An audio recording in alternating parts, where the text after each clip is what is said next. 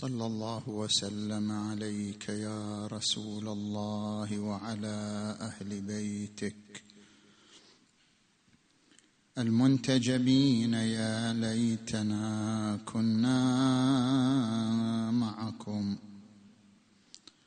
فنفوز فوزا عظيما. وثواكل بالنوح تسعد مثلها أرأيت ذا ثكل؟ يكون سعيدا. حنت فلم أر مثلهن نوائحا. إذ ليس مثل فقيدهن فقيدا. يا يا يا وغدت أسيرة خدرها ابنة فاطم. لم تلق غير أسيرها مصفودا يا تخفي الشجاع جلدا فإن غلب الأسى. ضعفت فأبدت شجوها المكمودا يا يا يا نادت نادت فقطعت القلوب بصوتها. لكن من انتظم البيان فريد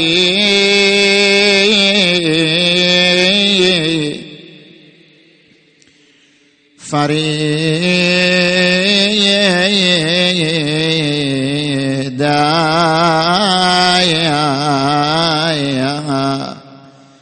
إنسان عيني. حسين أخي يا أملي وعقد جماني المنضوي.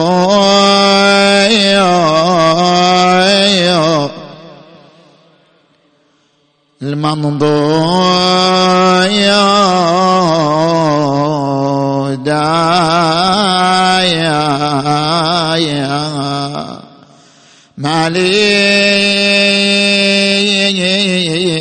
دعوتك لا تجيب ولم تكن.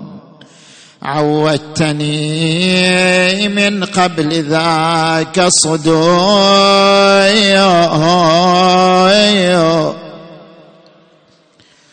صدوي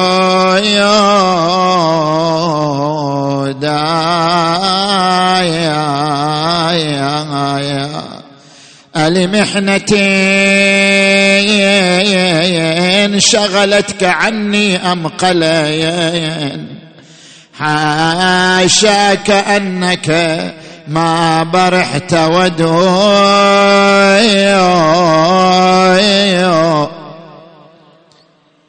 ودوي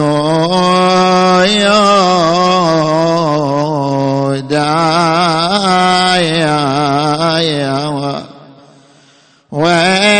ولساق الضعن للشام وين أهل الحمية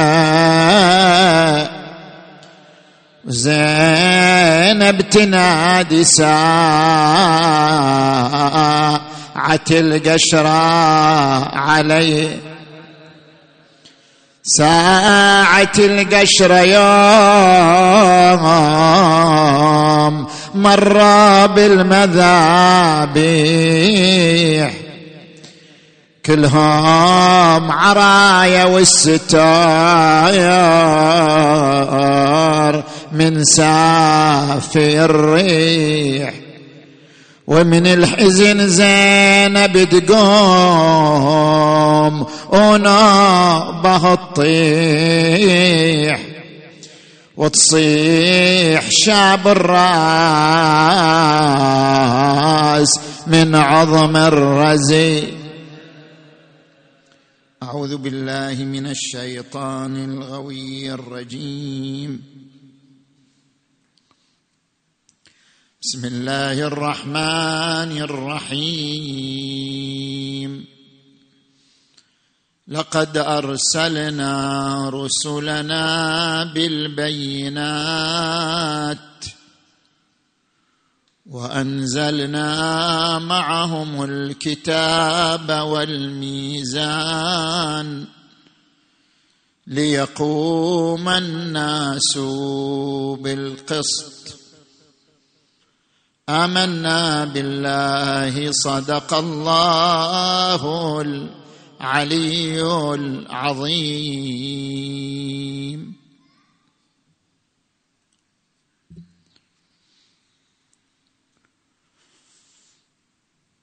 هناك سؤال يطرحه كثير من اللادينيين. وهذا السؤال إذا كانت البشرية محتاجة إلى وجود الأنبياء وكان الأنبياء يشكلون مسار الهداية للمجتمع البشري فلماذا انحصر وجود الأنبياء في الجزيرة العربية. لماذا لم نجد أنبياء في الأمريكيتين في أوروبا في أستراليا؟ لماذا انحصر الأنبياء في هذه الرقعة الجغرافية المعبر عنها بالجزيرة العربية؟ أليس هذا دليلا على أن البشرية لا تحتاج إلى الأنبياء؟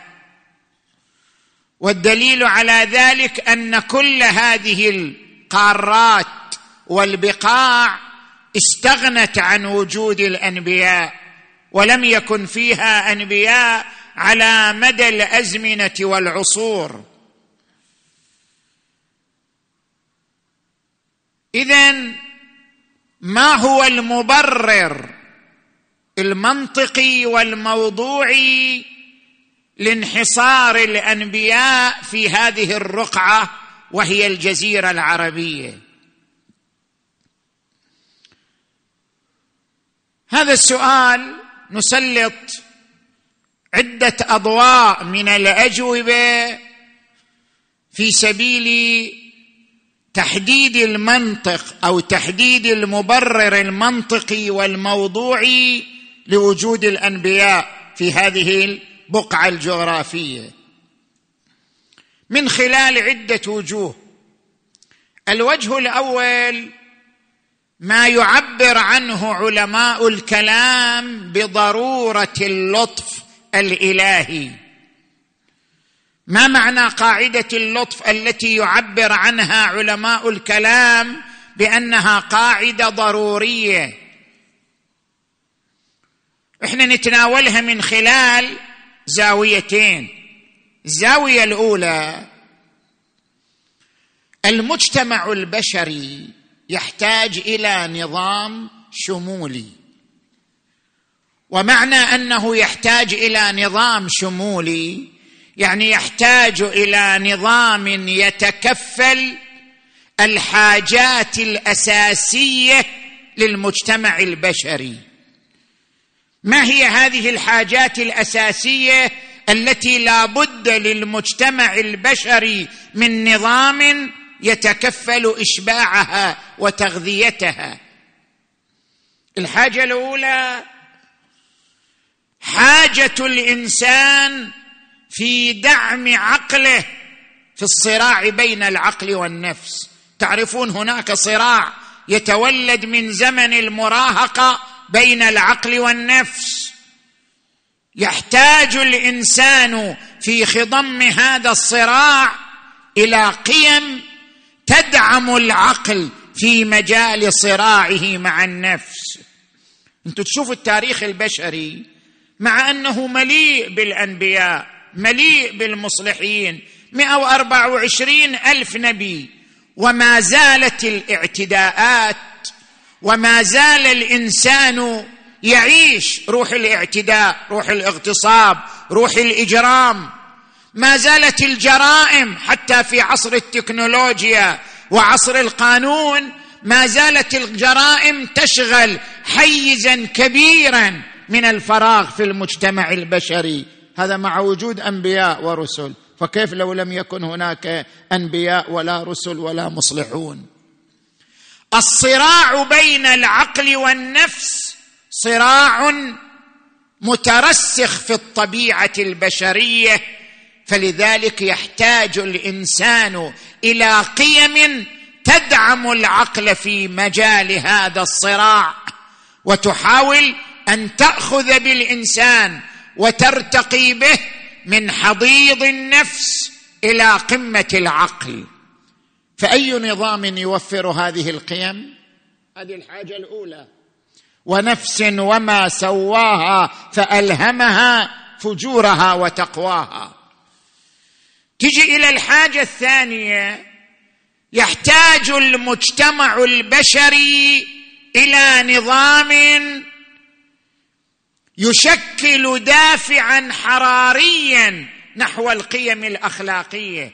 المجتمع البشري عنده قيم أخلاقية. يؤمن بالعدل يؤمن بالصدق يؤمن بالأمانة ولكنه يمارس هذه القيم بدافع بشري.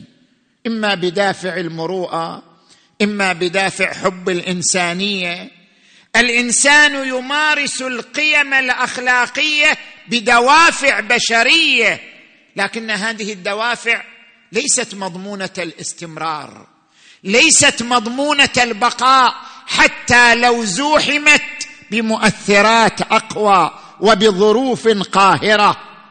لا يمكن ضمان بقاء القيم الأخلاقية إلا بدافع سماوي بدافع إلهي. وإلا الدوافع البشرية دوافع مرحلية. قد تتبخر أمام أي ظرف قاهر. قد تتبخر أمام أي ضغط. ولذلك كثير من أبناء المجتمع الغربي يمارس القيم الأخلاقية لكن بمجرد أن يخضع لضغط معين أو لمؤثرات أقوى تنتهي عنده هذه الممارسة. حتى يضمن بقاء القيم الأخلاقية ويضمن حرارتها واستمرارها. تحتاج إلى دافع إلهي. فأي نظام يوفر هذا الدافع الإلهي للقيم الأخلاقية؟ إنما نطعمكم لوجه الله. لا نريد منكم جزاء ولا شكورا إنما يوفى الصابرون أجرهم بغير حساب. هذه الحاجة الثانية الحاجة الثالثة. المجتمع البشري يحتاج إلى نظام يوفق بين مصالح الفرد ومصالح المجتمع. إلى الآن أنتم ترون طغيان النظام الرأسمالي. نتيجة طغيان النظام الرأسمالي في 150 سنة عاشتها البشرية ما زالت كثير من المجتمعات الإفريقية ترزح تحت خط الفقر تحت أرجلها الكنوز والمعادن والطاقات لكنها شعوب مستعمرة نتيجة هيمنة النظام الرأسمالي على الأرض. اذا البشرية ما زالت تحتاج إلى نظام يوفق بين المصالح الفردية والمصالح الاجتماعية. فأي نظام يوفر ذلك؟ الحاجة الرابعة المجتمع البشري لا يحتاج فقط إلى حضارة تكنولوجية تسيطر على الفضاء كما نعيشه الآن. تحتاج إلى حضارة إنسانية حضارة تكنولوجية قائمة على قيم إنسانية من أهمها قيمة الأخوة والتراحم. إنما المؤمنون إخوة. الحاجة الخامسة المجتمع البشري يعيش في عالم محدود وهو عالم المادة الذي يعبر عنه القرآن بعالم الشهادة. لكن وراء هذا العالم هناك عالم آخر. أي نظام يستطيع أن يربط عالم الشهادة بعالم الغيب عالم المادة بما وراءه من العوالم بحيث يكون عالم المادة طريقا ممهدا للعوالم الأخرى. والله عنده حسن المآب. أنت عندما تتأمل في هذه الحاجات الخمس حاجة المجتمع البشري إلى نظام يدعم العقل في صراعه مع النفس.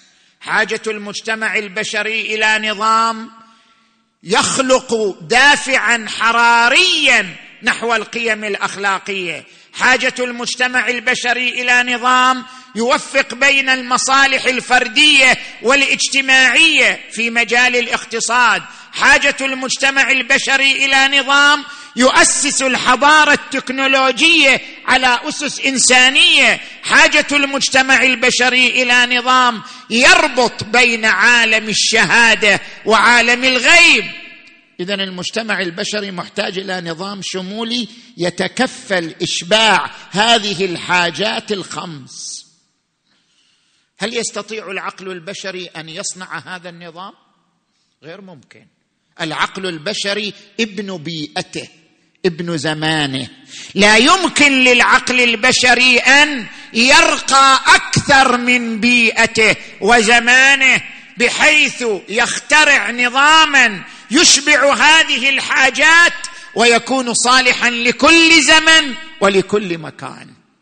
بالنتيجة أصبح المجتمع البشري محتاجا إلى النظام السماوي الذي يصنعه خالق البشر خالق العقل وليس العقل. من هنا هذه الزاوية الأولى. الزاوية الثانية طيب بما أن المجتمع البشري يحتاج إلى النظام السماوي الذي يشبع الحاجات الخمس فعدم إعطاء الله هذا النظام إما لجهله إما لعجزه إما لعبثه وهو تعالى منزه عن كل ذلك. لا يمكن أن يحرم البشرية من النظام لجهله وهو العالم بكل شيء. ولا يمكن أن يحرم البشرية من النظام لعجزه وهو القادر على كل شيء. ولا يمكن أن يحرم البشرية من النظام لعبثه وهو الحكيم تعالى. اذا مقتضى علمه وقدرته وحكمته أن ينزل النظام السماوي على المجتمع البشري. هذا ما يعبر عنه علماء الكلام بضرورة اللطف قاعدة اللطف. ولذلك يقول تبارك وتعالى لقد أرسلنا رسلنا بالبينات وأنزلنا معهم الكتاب والميزان ليقوم الناس بالقسط بالنظام الذي يشبع الحاجات الخمس التي تعرضنا لذكرها. من هنا نقول ما دام العقل البشري يحكم بضرورة وجود نظام إلهي على الأرض كلها اذا العقل البشري بنفسه يحكم أنه لا يوجد مجتمع إلا وفيه رسول أو نبي أو أن يكون هناك رسول للبشرية كلها. كأولي العزم أولي العزم صحيح عاشوا في منطقة خاصة. نوح وموسى وعيسى وإبراهيم والنبي محمد.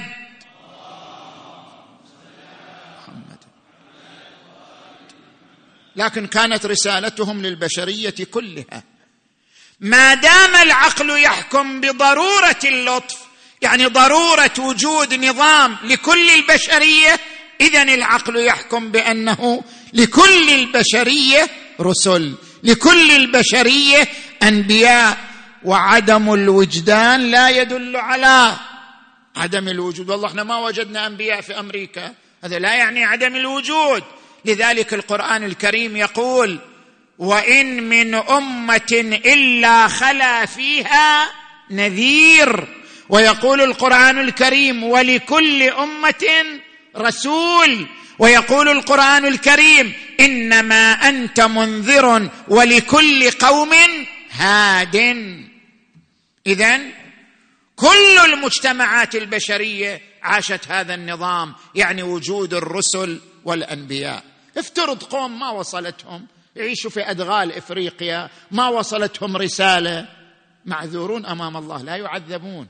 قال تبارك وتعالى وما كنا معذبين حتى نبعث رسولا رسلا مبشرين ومنذرين لئلا يكون للناس على الله حجة بعد الرسل. اذا هذا الوجه الأول من الجواب ضرورة اللطف. نجي إلى الوجه الثاني من الجواب. انتبه لي جيدا. متى إحنا اكتشفنا التاريخ؟ حتى نحاسب نقول والله إحنا ما شفنا أنبياء لا في الأمريكيتين ولا في أستراليا. منذ متى اكتشف الإنسان التاريخ؟ من ترجع إلى موسوعات التاريخية. منذ متى اكتشف الإنسان التاريخ؟ بداية الألفية الثالثة قبل الميلاد. يعني ثلاثة آلاف سنة قبل الميلاد بدأ الإنسان يكتشف التاريخ. لماذا؟ لأن أول شكل من أشكال الكتابة أول كتابه عرفها الإنسان على الصخور على الرقاع. أول شكل من أشكال الكتابة قبل ثلاثة آلاف وخمسمائة سنة. أول شكل من أشكال الكتابة يعني قبل الميلاد نقصد. لأجل ذلك بدأت كتابة الإنسان للتاريخ منذ ثلاثة آلاف سنة قبل الميلاد. من هنا بدأت كتابة الكتابة. بدأ يكتب التاريخ. زين؟ هذا من جهة. من جهة أخرى أين كان يكتب التاريخ؟ كان يكتب في بلاط الملوك وأحبار الوثنيين. ما كانت الشعوب تمتلك القدرة على الكتابة. الملوك لقدرتهم المادية ولأن عندهم كتاب معينين كتب التاريخ منطلقا من بلاط الملك ولم يكتب التاريخ منطلقا من حضارات الشعوب. لذلك ما وصلتنا إلا كتابات الملوك وأحبارهم وعلماؤهم. فمن الطبيعي إذا كان التاريخ لم يكتب إلا قبل ثلاثة آلاف سنة من الميلاد. ولم يكتب إلا من خلال بلاط الملوك وأحبارهم. فمن الطبيعي أن لا ينقل لنا التاريخ تاريخ الأنبياء والمصلحين لأن تاريخ الأنبياء والمصلحين في جبهة معارضة لتاريخ الملوك وأحبارهم. من الطبيعي أن لا ينقل لنا ذلك. أين عاش الأنبياء؟ وما هو تاريخهم؟ وما هي مراحل حياتهم؟ باعتبار أن التاريخ رسم انطلاقا من بلاط الملك وليس من قلب حضارة الشعوب في تلك الأزمنة. شوف لاحظ حتى الفرق. شوف حتى الفرق المسيحية الصغيرة فضلا عن ما قبل المسيح. طبعا كثير حتى ابن حزم يقول بأنه التاريخ الديني تاريخ الانساني كتب قبل المسيح لكن التاريخ الديني ما عندنا أي فصول قبل المسيح. يعني كأنما بدأت كتابة التاريخ الديني بعد وجود المسيح عيسى بن مريم عليه وعلى نبينا وآله أفضل الصلاة والسلام.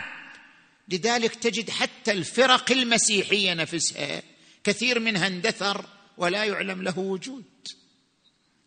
لم نعلم ببعض الفرق المسيحية إلا من خلال مخطوطات نجع الحمادي التي اكتشفت عام 1945 في مصر أو من خلال كتابات يوحنا الدمشقي كتابه ينابيع المعرفة الذي كتبه في الرد على بعض الهراطقه وبعض الفرق المسيحية. من هنا علمنا أن هناك فرق مسيحية غير الفرق الموجودة الآن. فإذا كان فرق مسيحية عاشت بعد المسيح لم نكتشفها حتى الآن فكيف نكتشف تاريخ الأديان والأنبياء قبل إبراهيم وموسى وعيسى؟ يعني قبل الميلاد بثلاثة آلاف سنة كيف يتم اكتشافها ولا طريق إلى الكشف عنها؟ هذا الوجه الثاني. الوجه الثالث من الجواب وهذا مهم. شوف كثير من الحداثيين يركز على البحوث الأركيولوجية.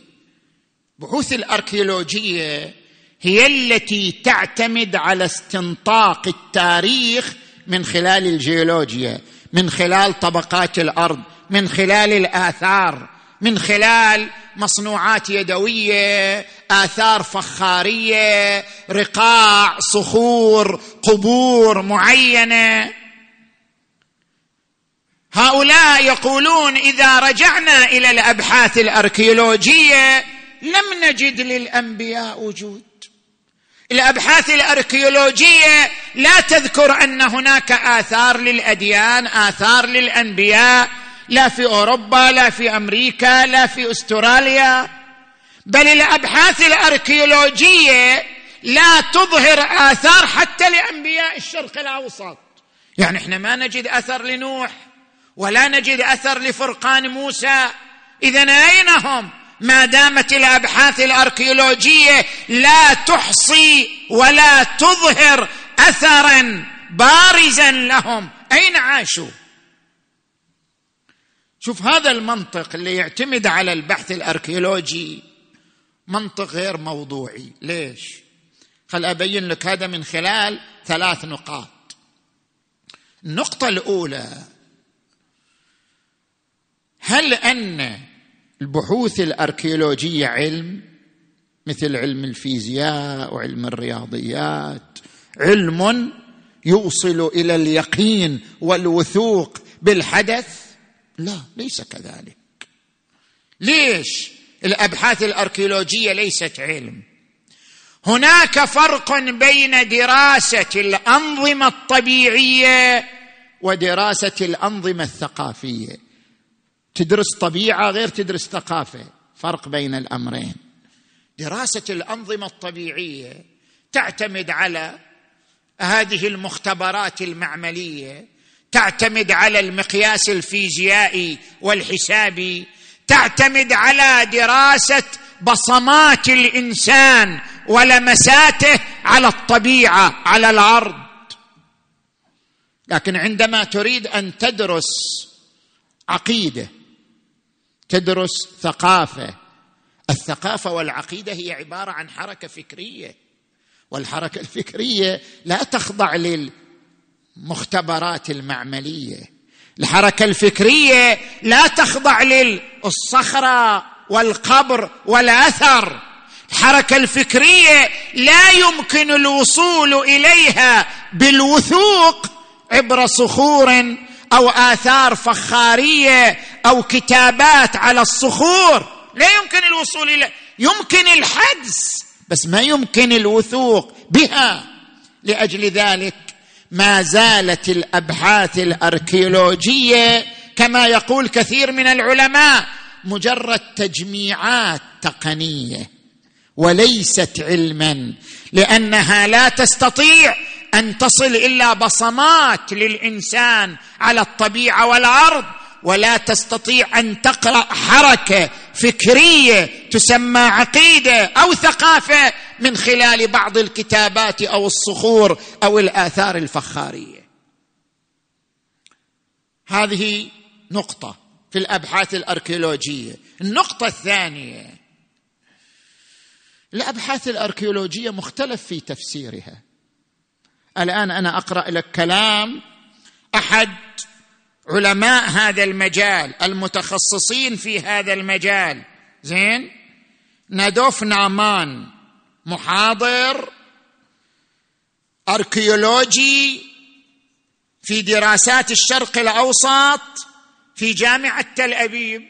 هذا نفسه نادوف نامان هو يقول هو يتحدث عن الأبحاث الأركيولوجية. يقول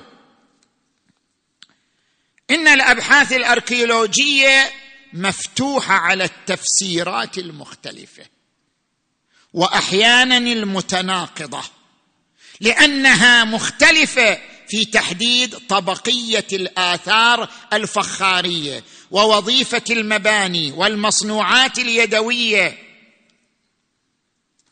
وفي الحفريات وتقدير عدد السكان والتسلسل الهرمي للمستوطنات. يعني ما زالت مفاصل أساسية لقراءة التاريخ لم تصل الأبحاث الأركيولوجية فيها إلى نتيجة. لما؟ لاختلاف التفسيرات والتحليلات لها. فكيف نعتبرها علما نعتمد عليه في إثبات وجود أنبياء أو عدم وجود أنبياء؟ النقطة الثالثة كتابة التاريخ مو شيء سهل.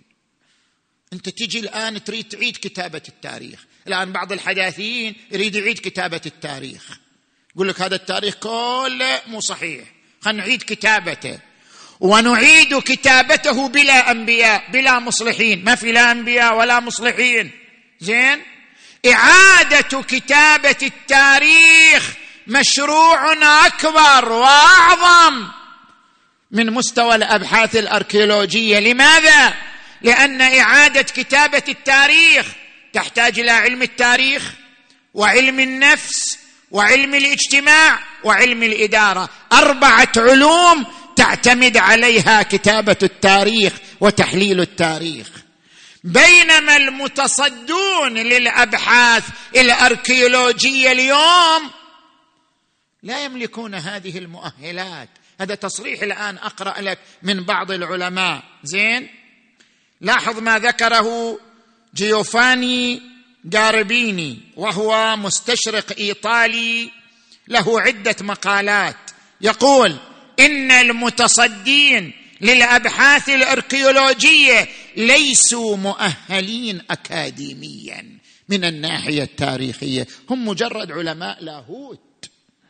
اذا كيف يعتمد على هذه الأبحاث في إثبات وجود أديان أو عدم وجودها من خلال صخرة أو قابر أو نقش معين أو في إثبات وجود أنبياء أو نفي وجود أنبياء؟ زين؟ هذا الوجه الثالث الذي نذكره. نجي إلى الوجه الرابع. عندما نراجع التاريخ ترى كثير من الفرق قد تكون أصولها أنبياء لكنهم الآن يجهلون ذلك. خل أبين لك مثلا آه زرادشت. زرادشت بعضهم يألهى بعضهم يقول أنه إله. بينما مثلا عندما نرجع إلى كتاب الفصل في الملل والأهواء والنحل الجزء الأول صفحة واحد وتسعين ينقل لنا أن زرادشت كان من الأنبياء. ولكن قومه حرفوا دينه وملته. بوذا بوذا محمد رشيد رضا يذكر في مجلة المنار صادره عام 1924 ميلادي يذكر هناك أن بوذا نبي. والآثار القديمة التي وردت عنه تدل على أنه كان من الأنبياء. لكن قومه حرفوا هذه الملة وحرفوا هذه الديانة. الصابئة الصابئة هم فرقة تعود إلى ما يذكر أن نبيها يحيى ابن زكريا وقد ذكرها القرآن الكريم من جملة الملل الصالحة. عندما يقول القرآن الكريم إن الذين آمنوا والذين هادوا والنصارى والصابئين. من آمن بالله واليوم الآخر وعمل صالحا فلهم أجرهم عند ربهم ولا خوف عليهم ولا هم يحزنون. المجوس ترى المجوس أيضا أصلهم أصلهم ديانة إلهية. ورد عن الإمام الصادق عليه السلام رواية عن الرسول صلى الله عليه وآله إن المجوس كان لهم نبي فقتلوه. اذا كثير من الآثار التي نراها آثار عقيدية أو دينية ربما يكون أصولها أنبياء لكن القرآن لم يقصصهم علينا والقرآن صرح بذلك في قوله تبارك وتعالى ورسلا قد قصصناهم عليك من قبل ورسلا لم نقصصهم عليك وكلم الله موسى تكليما نجي إلى الوجه الخامس. شوف أنت الأمم السابقة لم تحفظ حتى تاريخ العلوم الغريبة. أكيد مرت على البشرية سحرة مرت على البشرية أناس متضلعون في الطلاسم في العلوم الغريبة في علم السحر. مع ذلك البشرية لم تحفظ أسماءهم ولم تذكر آثارهم. إذا كان هؤلاء علماء السحر علماء الطلسم علماء العلوم الغريبة لم تحفظ البشرية أسماءهم مع كثرتهم وتأثيرهم على الناس فكيف سيحفظون كلمات الأنبياء وآثار الأنبياء الذين سبقوا مرحلة التاريخ يعني قبل أربعة آلاف سنة؟ وهم يعتبرون الأنبياء مجرد أناس لا أساس لهم. ما جاء نبي إلا وكذبوه. وما أوذي نبي مثل ما أوذيت كما ورد عن الرسول محمد.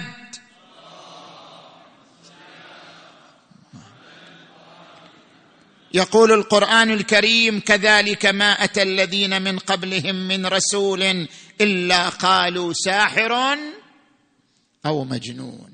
نجي إلى الوجه الأخير في الحديث عن هذه النقطة.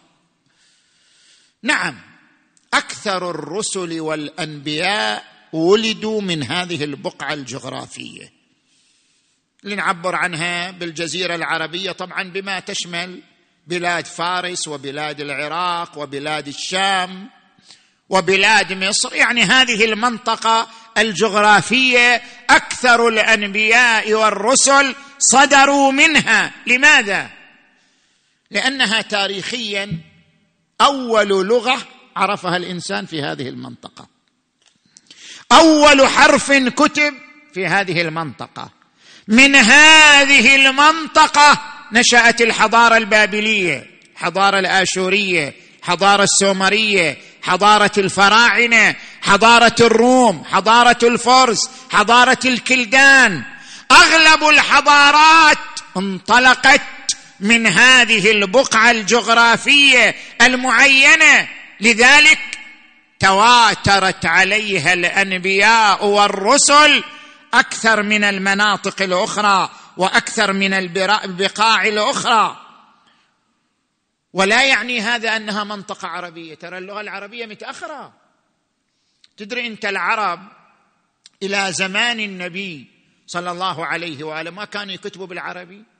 إلى زمان النبي. ترى هذه الكتابات العربية كلها متأخرة.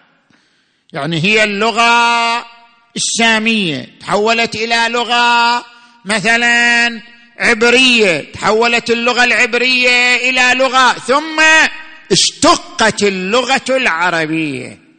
وإلى زمان النبي صلى الله عليه وآله كانوا يعتمدون في الكتابة على اللغة الآرامية ولم يكن يعتمدون على يعني ما كان اللغة العربية ما كان لها حروف كتابية خطية إنما كتبت متاخرا. لذلك الأقوام الذين عاشوا في هذه المنطقة ما كان كلهم عرب. جزء منهم عرب. بعضهم فرس بعضهم روم بعضهم قرد بعضهم ترك بعضهم وهكذا كانت هذه المنطقة تحفل بأقوام مختلفة وبلغات مختلفة. وهؤلاء توزعوا في الأرض كلها. اتجهوا كل لغة وقومية اتجهت إلى منطقة معينة فحملت معها آثار أنبيائها ورسلها. هذه البقعة المعينة المعبر عنها بالجزيرة العربية نتيجة لأنها مهد الحضارات وأول اللغات وأول الحروف تواترت عليها الأنبياء والرسل. وكانت فيها البقاع المقدسة منها مكة المكرمة. الكعبة المشرفة وإذ يرفع إبراهيم القواعد من البيت وإسماعيل ربنا تقبل منا إنك أنت السميع العليم. ومنها المدينة المنورة التي تضمنت أروع البطولات لتأسيس الدولة الإسلامية على يد النبي محمد.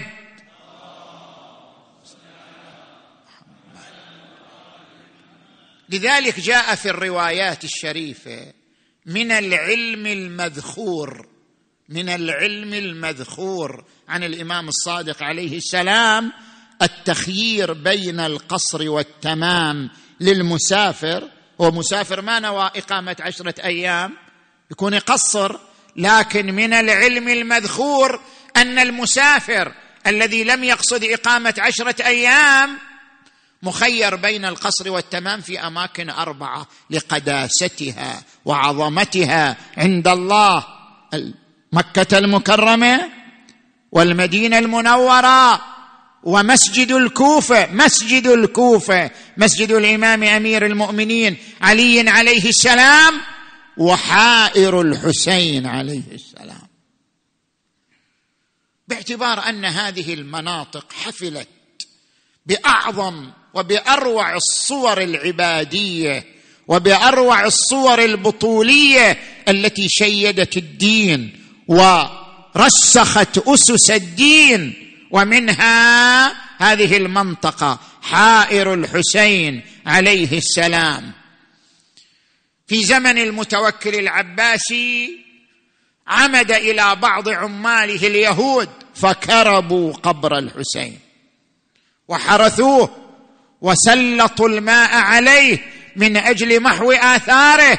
فلما وصل الماء إلى ما يقارب الضريح الشريف حار الماء ووقف عند حد معين وسميت تلك المنطقة بمنطقة الحائر.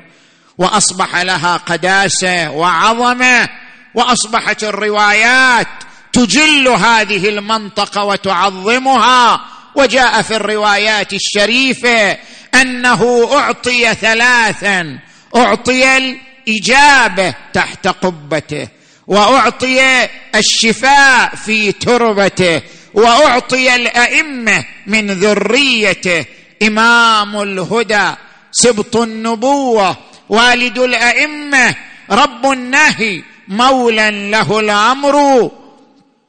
وفيه رسول الله قال وقوله صحيح صريح. ليس في ذلكم نكر. حبي بثلاث. ما أحاط بمثلها نبي. فمن زيد هناك؟ ومن عمرو؟ له تربة فيها الشفاء وقبة يجاب بها الداعي. إذا مسه الضر وذرية ذرية منه تسعة أئمة حق لا ثمان ولا عشر إلى أن قال أيقتل ظمانا حسين بكربلاء؟ هذا العظيم! وتاليها هالشكل يقتل ظمان أيقتل ظمآنا حسين بكربلاء؟ يا وفي كل عضو من أنامله بحر. ووالده الساقي على الحاض في غد. وفاطمة ماء الفرات لها مهر.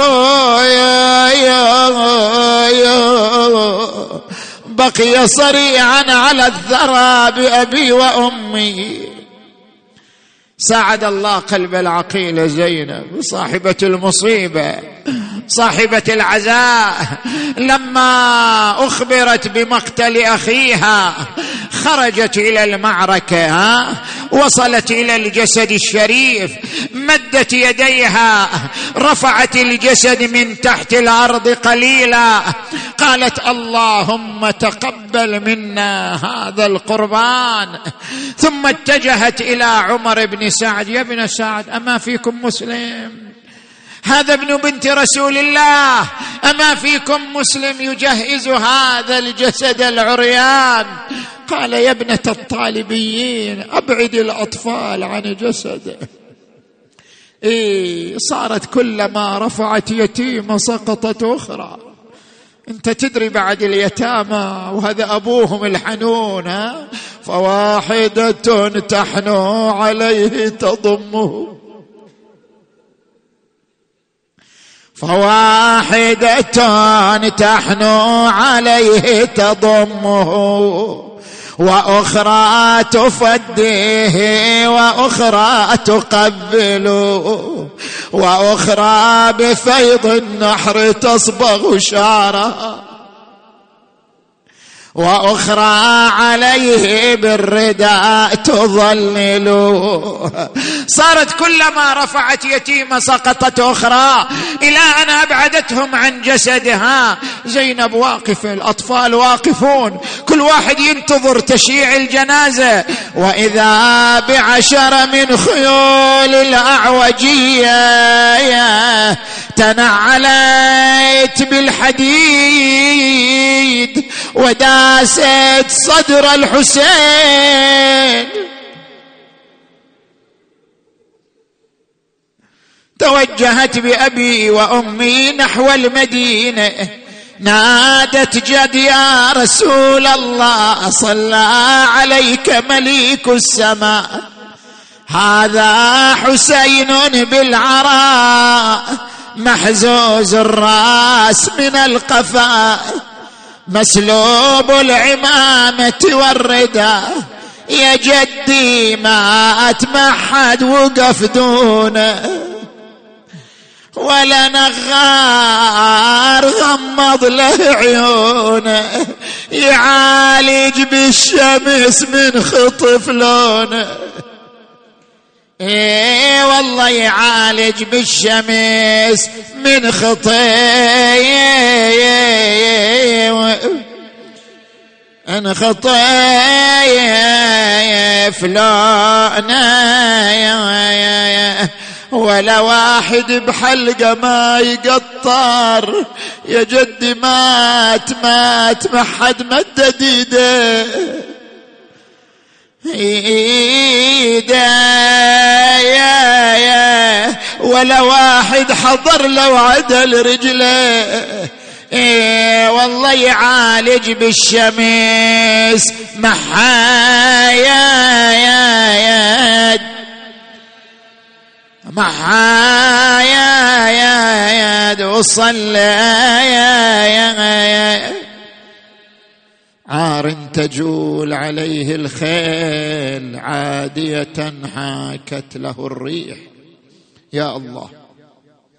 اللهم بالحسين الوجيه وجده وأبيه وأمه وأخيه والتسعة من بنيه. اللهم فرج عنا واكشف غمنا وادفع همنا واشف مرضانا ومرضى المؤمنين والمؤمنات واقض حوائجنا وحوائجهم. اللهم اغفر ذنوبنا واستر عيوبنا كفر عنا سيئاتنا وتوفنا مع الأبرار.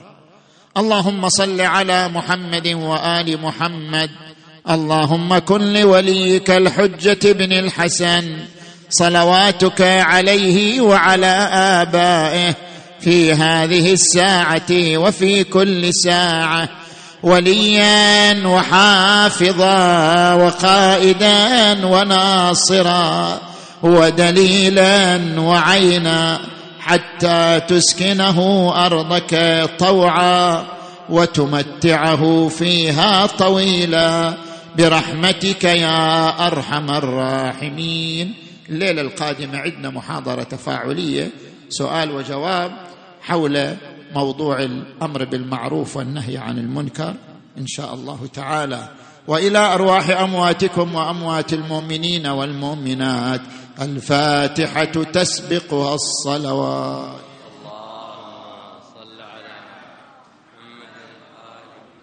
وعجل